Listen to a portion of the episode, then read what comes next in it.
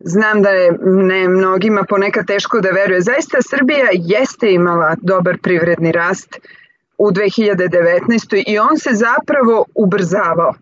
I kriza je presekla jedno vrlo ozbiljno ubrzanje i kada čujemo projekcije da će Srbija imati neki od najmanjih padova privrednog rasta u, u narednom periodu, govorimo sad o kratkom roku, niko mnogo ne može da kaže o malo dužem roku, to je zato što se zaustavlja nešto što je imalo ozbiljan zalet.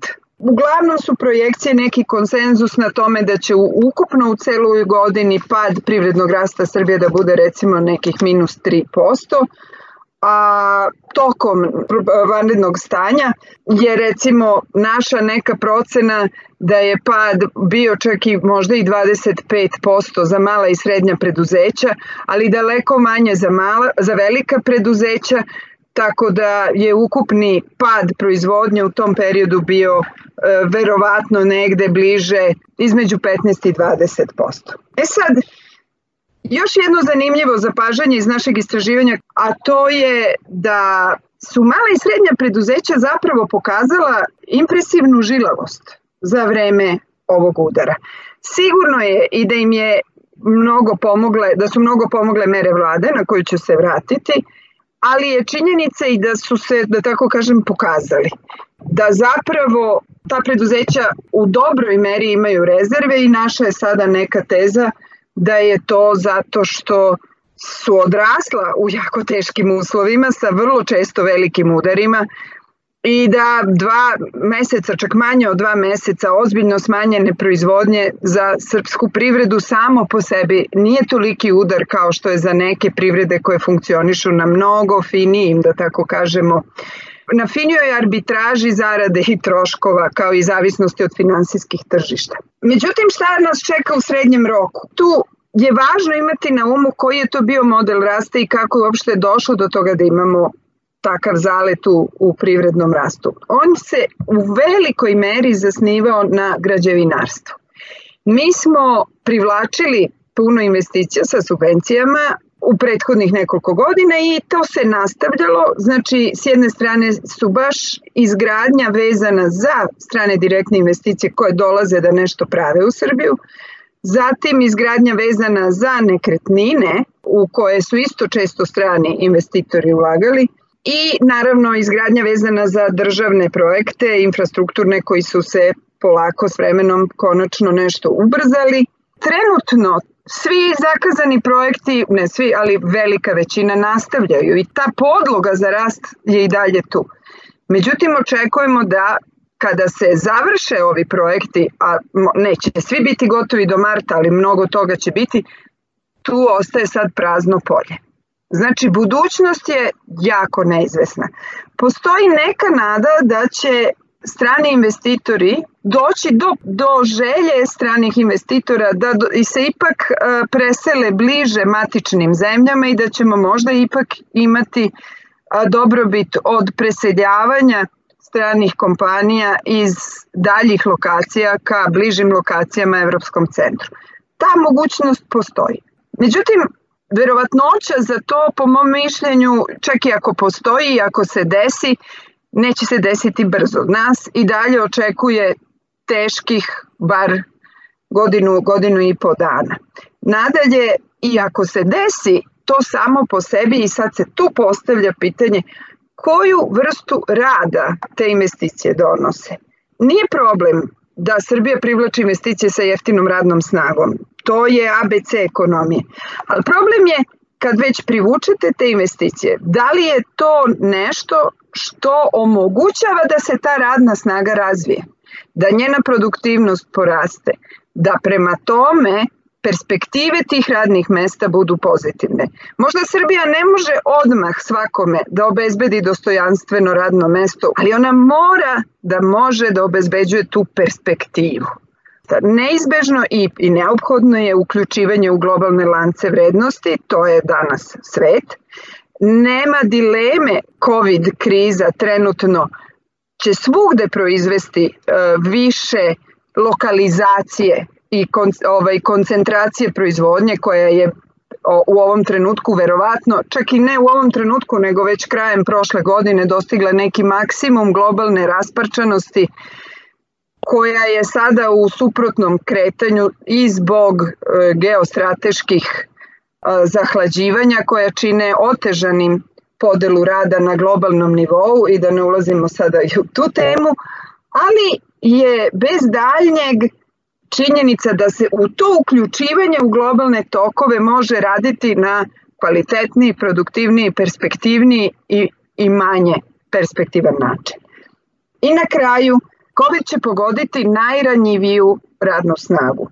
Neformalni rad pre svega već. Oni su prvi bili otpušteni, naše, naše istraživanje pronalazi da zaista formalnog otpuštanja nije bilo tako mnogo i da će da ono tek sledi, da je svakako mere vlade su tome doprinele, ali više u smislu da su odložile, mada su bile vrlo važne za zaista mala i najpogođenija preduzeća, ali mere vlade koje su donete takođe pokazuju ograničeni kapacitet vlasti da se usmeri na razvoj i da usmerava sredstva tamo gde one mogu najviše da deluju. Pomoć onima kojima je ona bila najpotrebnija došla je po cenu mnogo rasutih sredstava za preduzeća kojima uopšte nisu bila potrebna. I na kraju imamo i povratak radnika iz inostranstva koji bi sad možda i mogli da se bolje uključe u tokove oporavka ukoliko bi država imala kapaciteta da razvija odgovarajuće za to politike. Ja bih samo da negde definišemo na početku šta je ono što se podrazumeva pod dostojanstvenim radom, onako kako to definiše Međunarodna organizacija rada. Četiri su strateška cilja kad je u pitanju uh, agenda dostojanstvenog rada. Uh, mogućnost uh, zapošljavanja, odnosno unapređenje mogućnosti zapošljavanja, socijalna zaštita i unapređenje socijalne zaštite, ostvarivanja prava na radu i socijalni dijalog. E sada, da bismo procenili gde je Srbija u odnosu na standarde dostojanstvenog rada i kako je kriza uticala na to, mislim da je vrlo važno da sagledamo negde neku sliku gde je Srbija bila pre toga u odnosu na standarde dostojanstvenog rada vrlo daleko od standarda dostojanstvenog rada. Ja ću samo da ilustrujem to podacima, recimo kako izgledaju ili kako su u Srbiji izgledale mogućnosti zapošljavanja. Mi smo stalno tu ispod 50, ispod 50% kada je u pitanju registrovana zaposlenost. Znači, podaci za 19. godinu registrovana zaposlenost je 47,5%, za razliku od one anketne zaposlenosti koja, je mnogo veća i koja je opet rezultat osustva standarda dostojanstvenog rada, a registrovana nezaposlenost je 19%.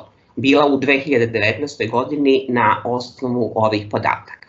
Ono što karakteriše tržište Srbije jeste e, veoma visok udeo ranjive zaposlenosti, odnosno samo zaposlenih bez zaposlenih kojih je u 19. godini bilo negde oko 23%. Vi ste videli da je u ovoj situaciji su u stvari najviše bili pogođeni samo zaposleni bez zaposlenih, pre svega oni u neformalnom sektoru, ali i oni u formalnom sektoru. Pa tako, prema podacima ankete o radnoj snazi u prvom kvartalu 2020. u odnosu na poslednji kvartal 19. godine, u formalnom sektoru e, manje je 17.700 samo zaposlenih bez zaposlenih, a u neformalnoj njih skoro 31.000.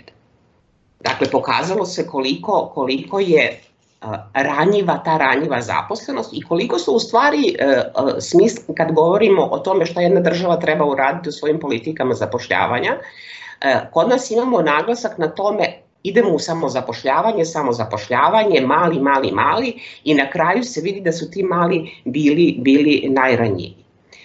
Druga stvar, ono što je karakteristično za tržište rada Srbije jeste veoma velik udeo onih koji rade na određeno vreme i na privremenim poslovima. Takvih je bilo u 19. godini negde oko 400, 450 hiljada. Oni su u stvari u ovoj situaciji kad je došlo do smanjenja proizvodnje, prvi bili na udaranju, njih je najlakše otpustiti.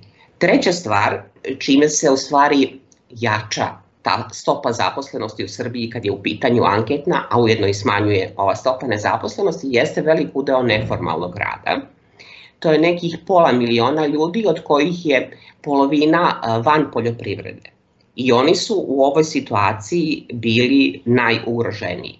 Recimo u ovoj situaciji ulični prodavci ili skupljači sekundarnih sirovina koji su neformalno zaposlenih i kojih najčešće ih ne vidimo, oni se vode kao samozaposleni, verovali ili ne. Njihova mogućnost da ostvare prihode je potpuno nestala bila je zabrana kretanja, jedan skupljar, e, sakupljač sekundarnih sirovina e, dnevno provede 12 sati i pređe 20 km. Što se tiče socijalne, socijalne zaštite i onoga što mogu da očekuju oni koji jesu ostali bez posla, i koji će biti nezaposleni, da najveći broj njih neće ostvariti nikakvu zaštitu, odnosno neće imati naknadu za nezaposlenost, zato što je, imate mnogo prepreka koje treba da preskočite da biste došli do naknade za nezaposlenost, da radite najmanje 12 meseci u formalnom sektoru ili sa prekidima godinu i po dana, tako da je veoma mali broj ljudi u mogućnosti da to ostvari, prvenstveno ovi koji su radili na određeno i na privremeno povremenim poslovima. Oni nisu uspeli da sastave godinu dana i neće ostvariti pravo na novčanu naknadu i to možete da vidite po tome da recimo poslednji podaci e, Nacionalne službe za zapošljavanje za maj mesec u odnosu na maj mesec prethodne godine imamo manji broj korisnika novčane naknade nego što smo ih imali. Inače, od svih nezaposlenih negde oko 5% ljudi prima novčanu naknadu i prima je najduže 6 meseci u iznosu koji je manji od praga rizika od siromaštva, to je negde između 14.500 i 15.000 dinara. Dakle, svi oni koji će da ostanu bez posla takve i jesu procene i samih privrednika nakon 31. oktobra, kad ne bude subvencija, kad ne bude u stvari obaveze da zadrže radnike zato što su dobijali subvencije za minimalnu zaradu, najveći broj ljudi ostaće bez ikakve zaštite. I onda dolazimo do toga u stvari kako je povezan i ovaj cilj dostojanstvenog rada sa ovim ostalim ciljevima. Dakle, mi smo imali bez obzira na taj ekonomski rast. Imali smo uh, sve vreme podatke o riziku od siromaštva da imamo milion i 700 hiljada ljudi svih ovih godina, od 13. pa na ovamo, koji su u riziku od siromaštva.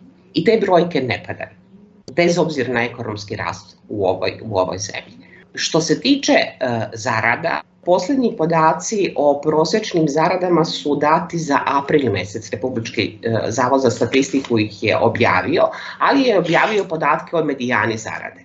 I sad prosečna zarada u aprilu mesecu u odnosu na recimo februar mesec je porasla sa 58.132 dinara na 58.932 dinara. Znači veća je za 1,3%. Međutim, medijana zarade je smanjena bila je negde oko 45.100 u februaru mesecu i pala je na, za 1000 dinara, na 44.100 u aprilu mesecu. Dakle, većina ljudi u ovoj zemlji ne prima prosečnu zaradu. Prosečnu zaradu i veću od nje prima četvrtina registrovano zaposlenih. Polovina registrovano zaposlenih prima manje, i odnosno primila je manje od 44.000 u aprilu mesecu. A ono što će, će se verovatno desiti da ćemo i u buduće da idemo dalje kad je u pitanju snižavanje, snižavanje medijane zarade, jeste to e, da je sad umesto 350.000 ljudi koji su ranije primali minimalnu zaradu, e, sada ih prima, odnosno teoretski prima, ne mora da znači, ja znam da će biti poslodavaca koji će doplatiti do ugovorene cene rada, ali bit će i oni koji će isplaćivati samo minimalnu, znači subvencije za minimalnu zaradu prima se za između 900.000 i milion i 100.000 zaposlenih. I to je ono što će se odraziti i na povećanje siromaštva u, u, narednom, u narednom periodu. Ja sam e, u tom mom tekstu na Peščaniku, sad već možda ima, ne znam, i, i mesec i dva, bilo je dva teksta od kako je počela ova kriza. E, ja sam e, negde i pomenula koje grupe smatram da su najugroženije, a da mere koje vlada već donela, koje njih ne dotiču. Dakle, to je nekih pola miliona ljudi koji rade u neformalnoj ekonomiji, s tim da tu ipak veliki deo su stvari ljudi koji su u poljoprivredi i mahom, dakle, to su neregistrovana gazdinstva, pa se ti ljudi računaju kao neformalna ekonomija, ajde da kažemo onih kao pravih neformalnih poslova, ono što mi smatramo, dakle, koja su nepoljoprivredna, negde možda oko 150.000.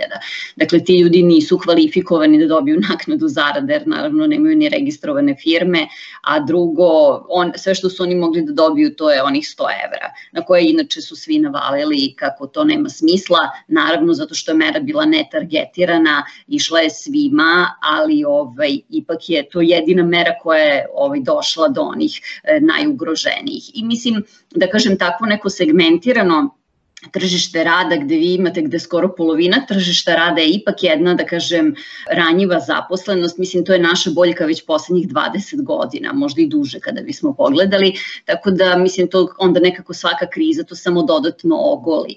A naš pad će biti manji u odnosu možda na zemlje regiona iz dva razloga i o tom mislim da se isto već pričalo. Prvo zato što kod nas e, turizam ne učestvuje tako značajno u BDP-u, a drugo ovi naši trgovinski partneri, naravno da je tu mislim od onih značajnijih Italija, a koji će biti značajnije pogođeni, tu je pre svega Italija, ali opet i naš, e, naša trgovinska razmena s njima je recimo duplo manja nego Slovenije ili Albanije. Tako da eto samo zbog tih proporcija mi ćemo možda biti e, manje pogođeni. Koliko još uopšte postoji prostora za, u, u, u budžetu? Šta privreda u stvari može da očekuje i treba li ići na ponavljanje u nekom obimu postojećih mera ili biti izrazito selektivan onda i pametno trošiti možda para kojih više nema, nema toliko na raspolaganju?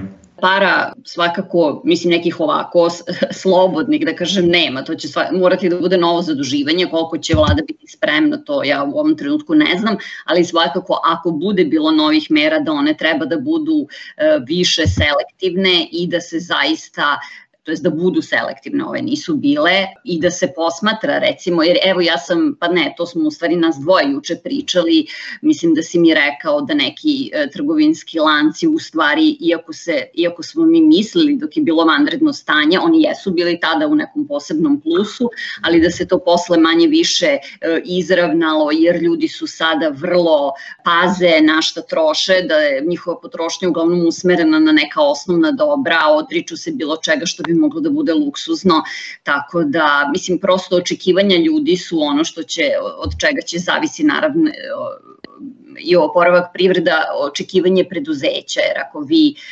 gledate i ako vam je sve sumorno, vi ćete da, ako su takve prognoze, vi će, firme će odlagati investicije i to će onda u stvari samo dodatno da dovede do pada e, privredne aktivnosti. Pitanje koje stalno postavljamo, a zašto ljudi trpe sve vreme da im se, da im se krše prava. Znači jedna grupa neće da čeka i tužit će, a druga grupa neće da tuži, nego će sačekati da će da se pokrene proizvodnja od oktobra.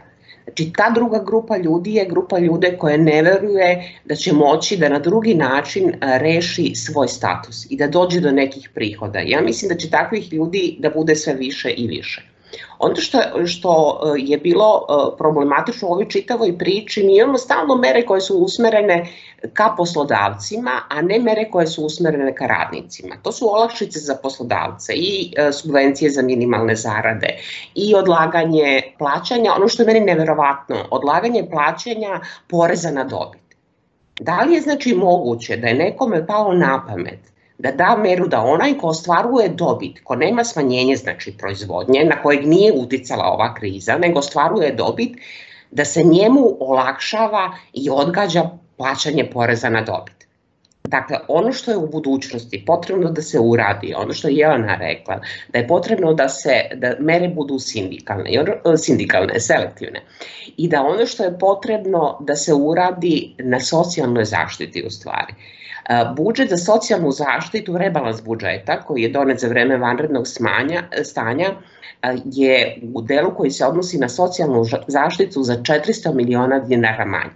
A ljudi koji će biti u socijalnoj potrebi biće sve više i više naročito kada su u pitanju oni koji će ostajati bez posla. Dakle, ja mislim da je neophodno da u narednom koraku, kao što je država pregovarala, dogovarala sa Privrednom komorom Srbije, da je neophodno da pregovara i da dogovara i da uključi u socijalni dijalog i mere koje će da budu preduzete u narednom periodu sindikate jer su oni jedini pravi sagovorni kad je u pitanju zaštita prava radnika u narednom periodu i sada i u narednom periodu. Kad je reč o porezu na dobit, to je reč o odlaganju akontacije ljudi uplaćuju akontaciju na porez na dobit na osnovu dobiti od prethodne godine i on, sad je to stvarno neuporedivo pa ima smisla da se odloži, a da se zatim taj porez plati onoliko koliko je neko stvarno zaradio. Tako da, ako je zaradio, da, da ne bude samo zabune. Drugo, šta sam htjela vrlo brzo da kažem, Jesu je većina zemalja imala relativno neselektivne mere, ali mi smo to pažljivo gledali, odnosno ja sam, i ne znam ni jednu zemlju koja je imala toliko neselektivne mere kao mi. Mislim da je to važno jer su i kasnile više nego kod bilo koga. Mere koje smo mi doneli, mi smo ih dosta brzo najavili, prilično neodređeno, a doneli ih dosta kasnije – na primjer, odlaganje poreskih obaveza. Hrvati su odmah i ovaj da tako kažem nisu ih samo odložili nego i oslobodili turizam na primjer. Znači, gde god pogledate, bilo je bar malo više selektivnosti i mnogo veće brzine. I ja mislim da je to važno naglasiti jer se vraćamo na temu okrenutu ka budućnosti, da ova država ima ozbiljan problem kapaciteta, koji se u jednoj meri tiče velike centralizacije odlučivanja i onda kada morate da odlučujete i o pandemiji i o ekonomiji, znači o zdravstvenim i o ekonomskim aspektima, onda jedni čekaju, jer ne možete da odlučujete istovremeno ovaj, o dve stvari s jednom glavom. Drugi problem je da smo u fiskalnoj konsolidaciji 14. do 16. jako smanjili državu koja je relativno već bila dosta mala kad je reč čisto o upravi. Mi stalno brkamo veličinu države kad razmišljamo o EPS-u i javnom komunalnim preduzećima i slično i tu ima neproduktivne i partijske i kakve god zaposlenosti, viška, a u stvari onih ljudi koji bi trebali da misle o politikama, da brzo reaguju, da usmere svoju energiju. I kad govorimo o selektivnim, odnosno o boljem ciljanju ili selektivnim politikama, ne radi se o tome da vi birate pojedinačne firme kojima ćete recimo više da pomognete. Mada se i to dešava kad je reč o avioindustriji jer imamo samo jednu avionsku kompaniju, ali u principu se radi o tome da se postave principi koji su i tekako prepoznatljivi i koji se mogu sprovoditi, da tako kažem, horizontalno, ali ne moraju da se odnose na svih 300.000 preduzeća u zemlji pa prema tome i ona koja su imali možda i ekstra dobit. Treća stvar, mi vidimo kao vrlo jak razlog što formalne zaposlenosti e, nije bilo većeg smanjivanja formalne zaposlenosti. Mi u, našim, u našoj anketi reprezentativnoj nije tako visok procenat firmi koji kažu da je to bilo zbog mera vlade, kažu da bi sve jedno uradili, a u našim razgovorima daljim i dubljim, apsolutno Srbija ima problem kvalifikovane radne snage koja se iselila to što firme sad imaju, to što imamo kvalifikacija, to je postalo dragoceno i jako je važno za produktivnost, a vraćam se na to da ne možemo da tražimo dostojanstven, da očekujemo, možemo da tražimo dostojanstven rad ako nema i produktivnosti, a u nju moramo kao, kao društvo da ulažemo. Ovog puta fiskalni prostor nije toliko veliki problem kao obično. Mnoge razvijene, nerazvijene zemlje ponašaju se trenutno suviše oprezno u dobroj meri pod pritiskom tog utiska da će da izgube strane investicije ako, ako se učini da će, da će njihov balans da bude narušen, ali Srbija je svakako tu već dosta poena zaradila i ima prostor.